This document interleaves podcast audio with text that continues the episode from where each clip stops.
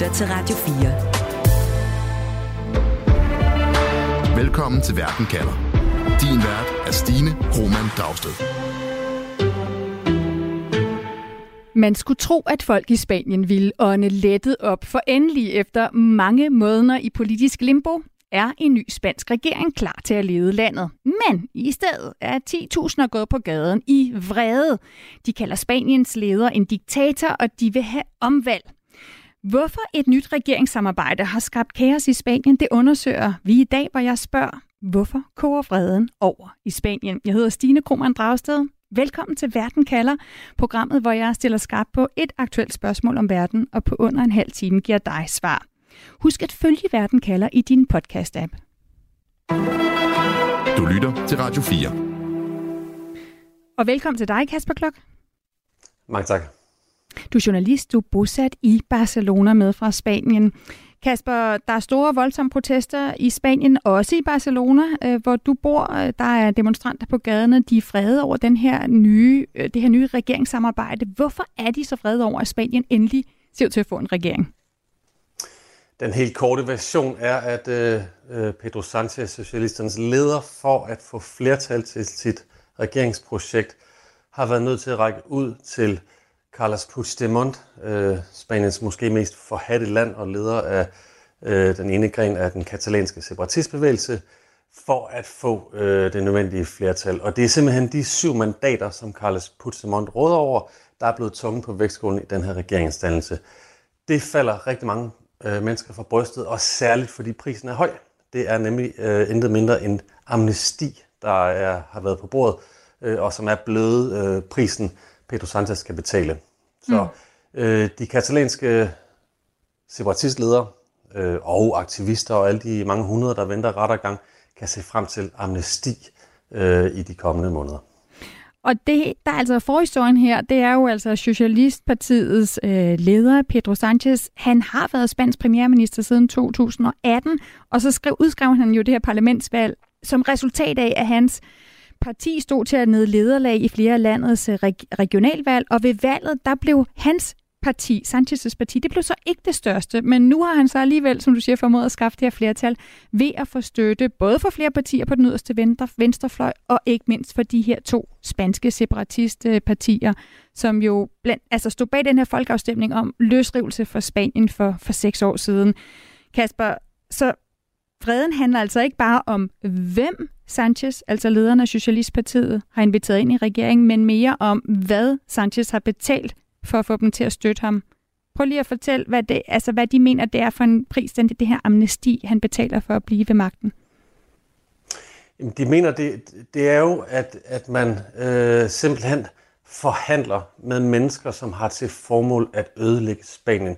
Øh, i, I brede dele af det spanske samfund, og i særdeleshed på højrefløjen, der betragtes de her, øh, den her katalanske uafhængighedsbevægelse jo som en nærmest en, øh, en øh, altså en oprørsbevægelse, øh, som, øh, som har til formål at øh, sprænge Spaniens enhed øh, og gå solo. Øh, og det er simpelthen øh, øh, et spørgsmål, der går, går dybt ind i kan man sige, den spanske selvforståelse. Hvad er Spanien egentlig? Er Spanien et, øh, et samlet land, øh, hvor der så er nogle forskellige regionale identiteter, eller er Spanien øh, en nation af nationer, som man typisk vil sige heroppe, hvor hvor jeg bor, øh, og hvor det sådan set er en legitim politisk bestræbelse at prøve at øh, arbejde for løsrivelse.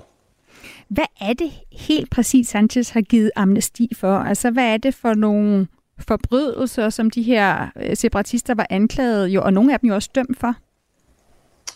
Det er en lang række øh, forbrydelser og forseelser, kan man sige, som strækker sig fra øh, 2014 og øh, til, til 2019 øh, hvor der har i den periode været to ulovlige folkeafstemninger om øh, katalansk løsrivelse, og så har der været nogle meget voldsomme reaktioner på øh, øh, de domme, der faldt til de ledende øh, separatistledere i 2019.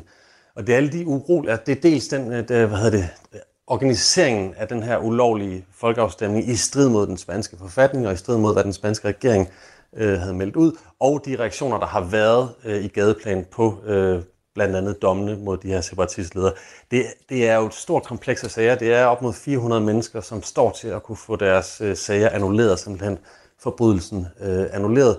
Øh, det gælder så også, skal man huske at sige, øh, en række af de øh, spanske politifolk, som står under anklage for at have begået ulovligheder i forbindelse med bekæmpelsen af den her ulovlige folkeafstemning i 2017. Lad os lige høre, hvad en af de her spanske demonstranter, der er gået på gaden, hvad de siger om Sanchez. La democracia, el espíritu de la transición, es un traidor.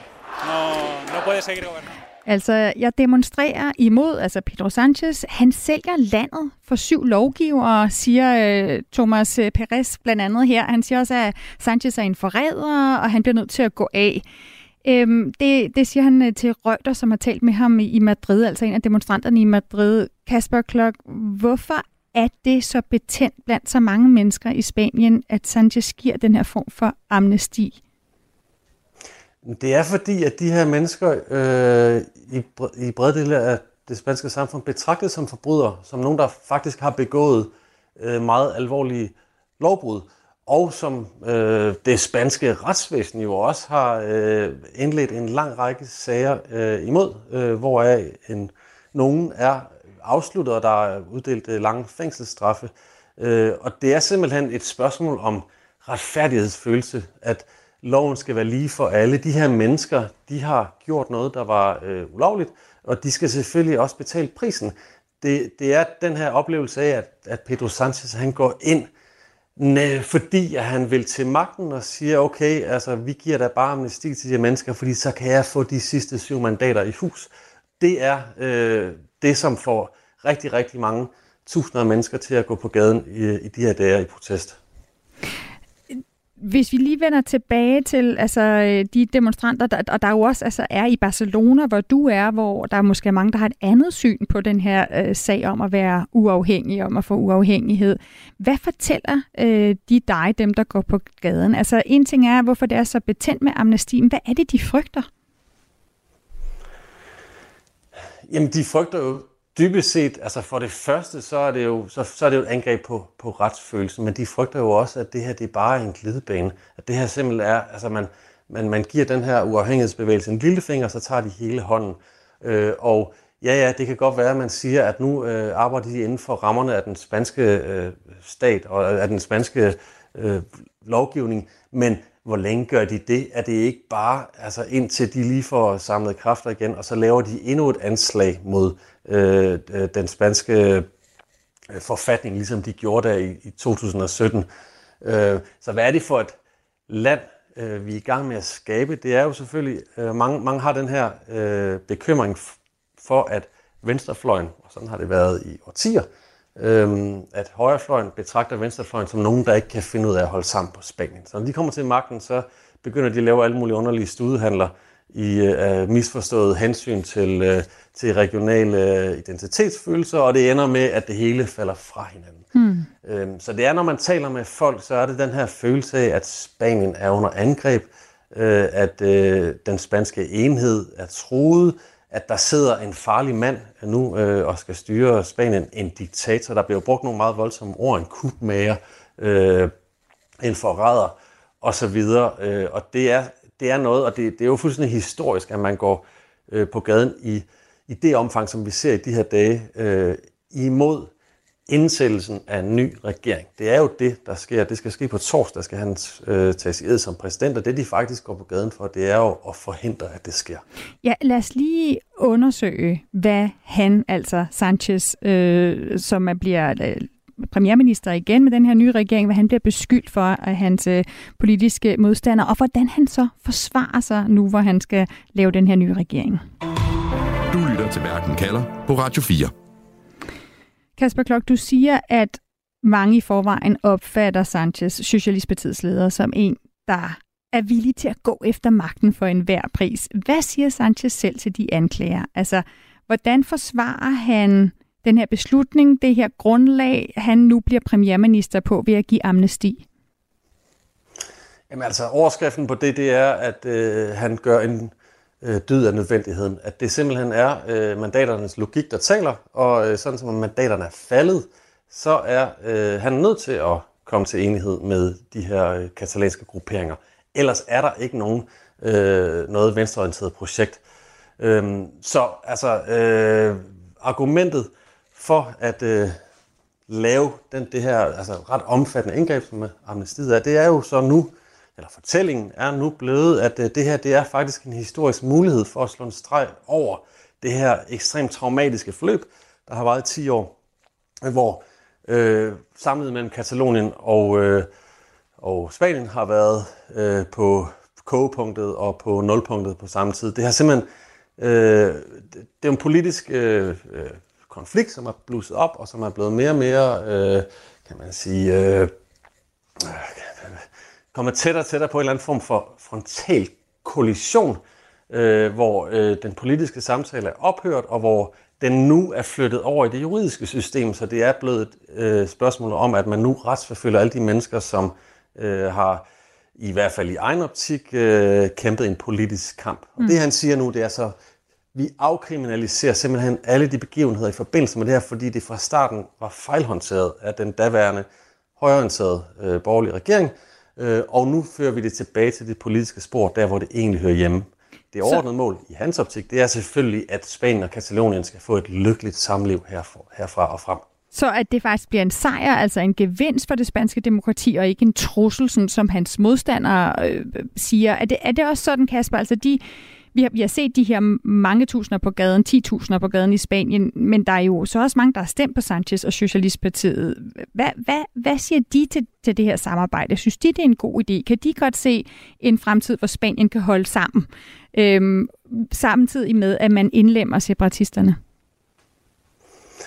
Jeg taler med mange, som, som altså er dødtrætte af den her øh, katalanske konflikt, og som bare gerne vil have, at vi vender bladet og kommer videre. Og der er mange, der har øh, forståelse for, at det her det kan være et, øh, et nødvendigt træk. Altså det, det kan føles voldsomt og indgribende, men en gang imellem, så skal man gøre noget, der er voldsomt og indgribende, for ligesom at komme ud på den anden side. Og der er i hvert fald et, øh, et ønske om, at vi kan begynde at tale om noget andet. Og netop, altså, øh, Katalonien øh, sidder på en betydelig del af den spanske økonomi, øh, 17 procent af befolkningen, så det er en, en meget, meget væsentlig del af Spanien, også for det politiske Spanien, og har altid været det. Også for tidligere borgerlige regeringer har de katalanske nationalistpartier været tunge på vægtskålen.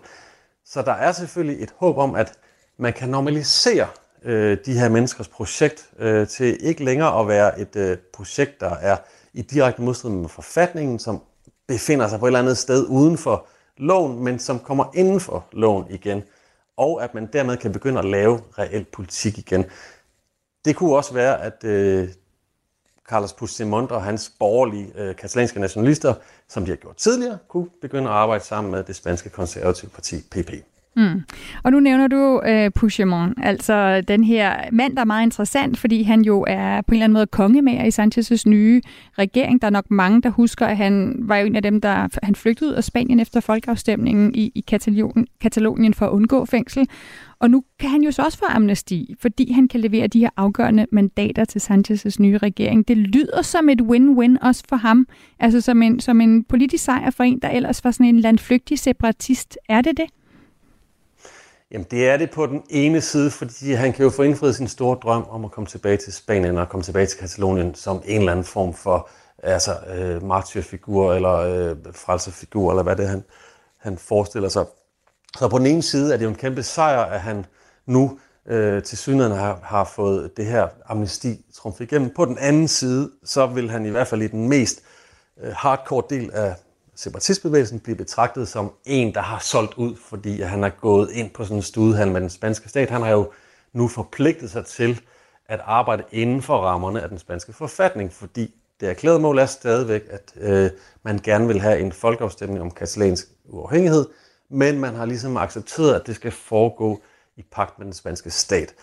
Øh, og det er der jo en, en del af den katalanske uafhængighedsbevægelse, som har opgivet, som simpelthen siger, at det kommer aldrig til at ske. Altså den eneste måde, vi kan komme videre på, det er, hvis vi kører vores eget spor, for det kommer ikke til at ske inden for rammerne af den spanske stat.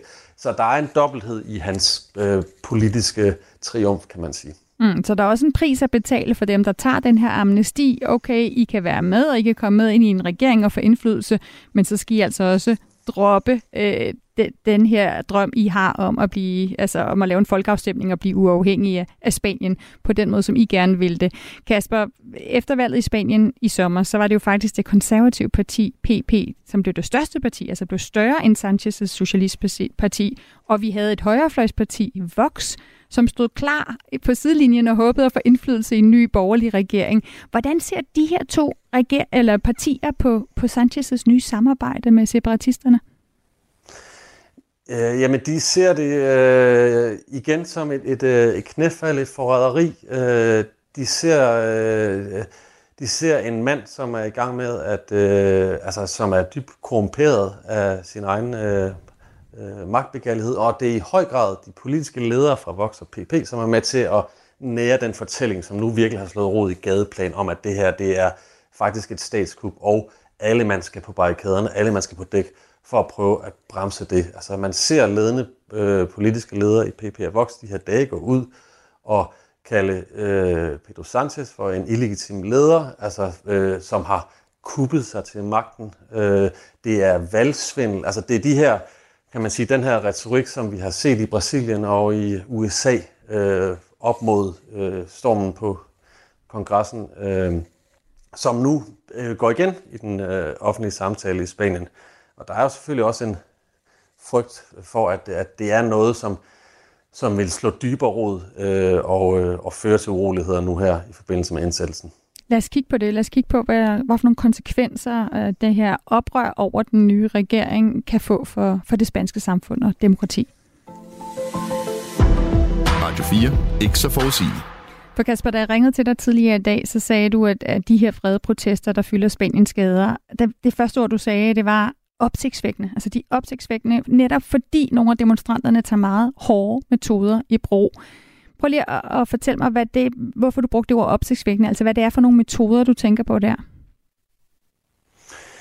Jamen altså, der har jo været, øh, nu i 10 dage i træk har øh, Socialisternes hovedkvarter i Madrid været belejret af demonstranter hver eneste aften, og politiet har måttet lave store afspærringer, fordi de her demonstranter simpelthen forsøger at komme ind til Socialisternes hovedkvarter. Så man kan sige, det er første gang, at man har set en den type demonstrationer øh, i Spanien, øh, hvor man ligesom prøver at øh, tilsvinge sig adgang til mod, modpartens øh, altså, øh, partihovedkvarter.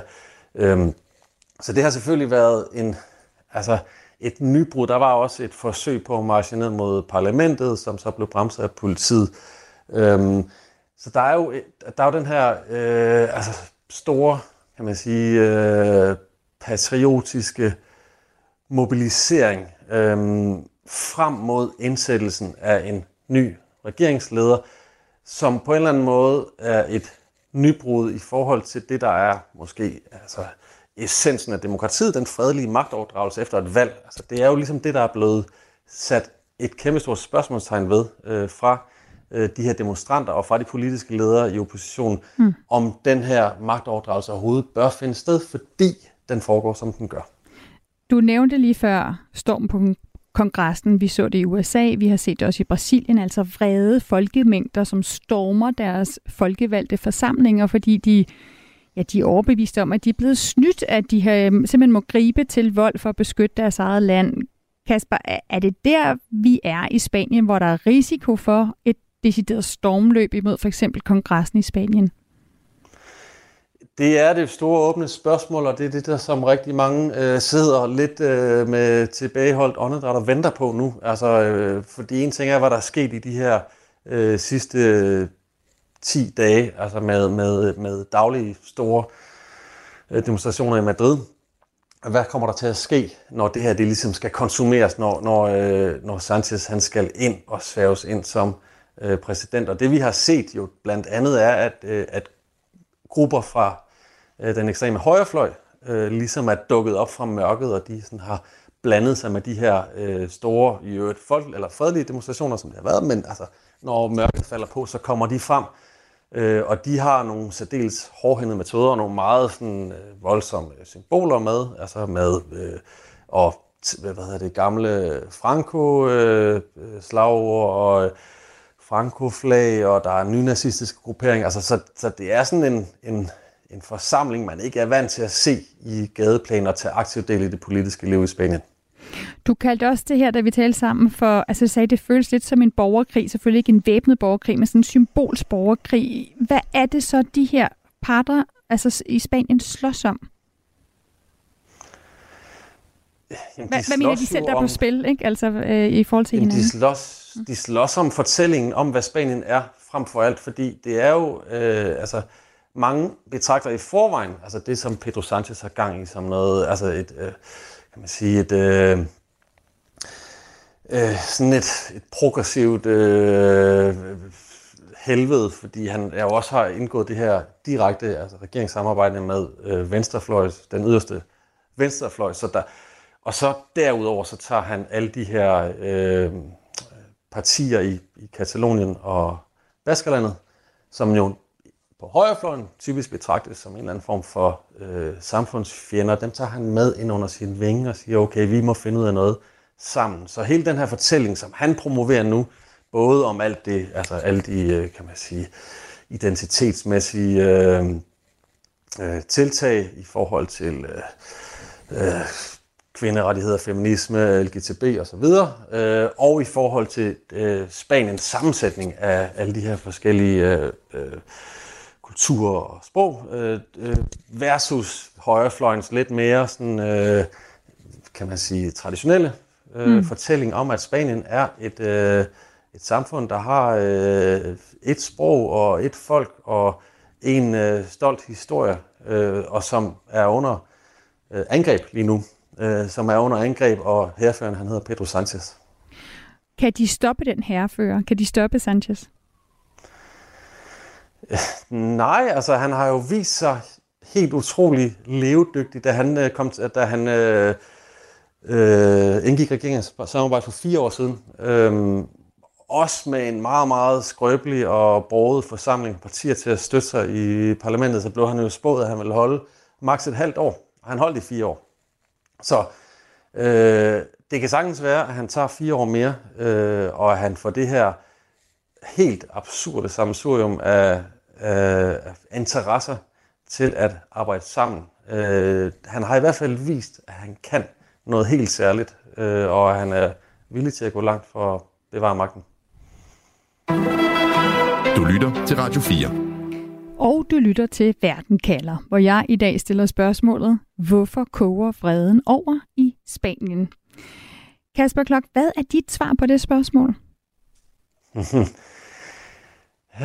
ja, det øh, kunne man jo godt bruge 30 minutter på øh, igen, men altså øh, vreden øh, koger over, fordi øh, at rigtig, rigtig mange mennesker i Spanien er blevet overbevist om, at Pedro Sanchez er en farlig mand, som er i færd med at ødelægge Spanien på grund af sit samarbejde med de katalanske separatister, og at han giver dem amnesti for forbrydelser, som rigtig mange spanier mener, de skulle straffes for. Og så lige til sidst, Kasper, du, vi talte om, om, han kan, om de kan stoppe ham, dem der mener, han er en farlig mand. Jeg har lagt mærke til, at mange af dem, der går på gaden nu, de står ikke bare med spanske flag, de står også med EU-flag. Skal vi lægge noget i det? Altså, ser de EU som, som på en eller anden måde, der kan, der kan hjælpe dem i den her sag, eller er det noget med at få international opmærksomhed, at man øh, står og vifter med EU-flaget? Der, der er i hvert fald øh, altså, amnestiloven, som, øh, som er blevet vedtaget i dag, den er blevet indklaget for EU allerede. Så der er der i hvert fald et, et ønske og et håb om, at, at nogle andre kan på en eller anden måde gribe ind øh, og hjælpe. Om det så er realistisk, at EU kan gøre det, det ved jeg ikke. Øh, og om det er det, de prøver at signalere, det ved jeg heller ikke. For EU-flaget er jo et symbol, der bliver brugt også blandt separatisterne i håb om, at, at øh, det internationale, internationale samfund vil støtte øh, kravet om at få en folkeafstemning om uafhængighed. Tusind tak for den vurdering fra dig, Kasper. Velkommen. Altså det her kaos, der er i Spanien, mens vi altså venter på, at en ny regering snart øh, sætter sig for enden af bordet. Kasper Klok, journalist med fra Barcelona. Programmet her er tilrettelagt af Nana Chidi Guldborg og af mig, Stine Krohmann Dragsted. Camilla Høj er redaktør. Vi har brugt lyd fra nyhedsbyrået Reuters. Husk, uanset hvad der sker, så kan du få svar på et afgørende spørgsmål her i Verden kalder med mig, Stine Krohmann Dragsted. Det er mandag og torsdag, jeg sender live, og så kan du altid lytte til Verden kalder som podcast. Når du har fundet Verden kalder i din app, så tryk følg, så får du altid leveret de seneste Verden kalder episoder lige til dig. Mirko, tror du, jeg på de næste 55 minutter kan blive omvendt til at blive sådan en, en rigtig Swifty, ligesom dig? Jeg tror ikke, vi har brug for 55 minutter. Only in America er Danmarks eneste program dedikeret udelukkende til amerikansk kultur. Er det nu, at vi sætter Crime River på? Ja, det tror jeg ikke, vi skal gøre, fordi... Øh... Er den sang blevet cancelled, eller hvad? Hver uge opdaterer Frederik Dirk Gottlieb og Mirko Reimer Elster, der på det vigtigste, vildeste og mest vanvittige fra Guds eget land. Det tror jeg, det, det, tror, det kommer til at ske. altså, jeg tror, at Justin Timberlake er blevet toxic. Lyt til Only in America i Radio 4's app, eller der, hvor du lytter til podcast. Radio 4 ikke så forudsigelig.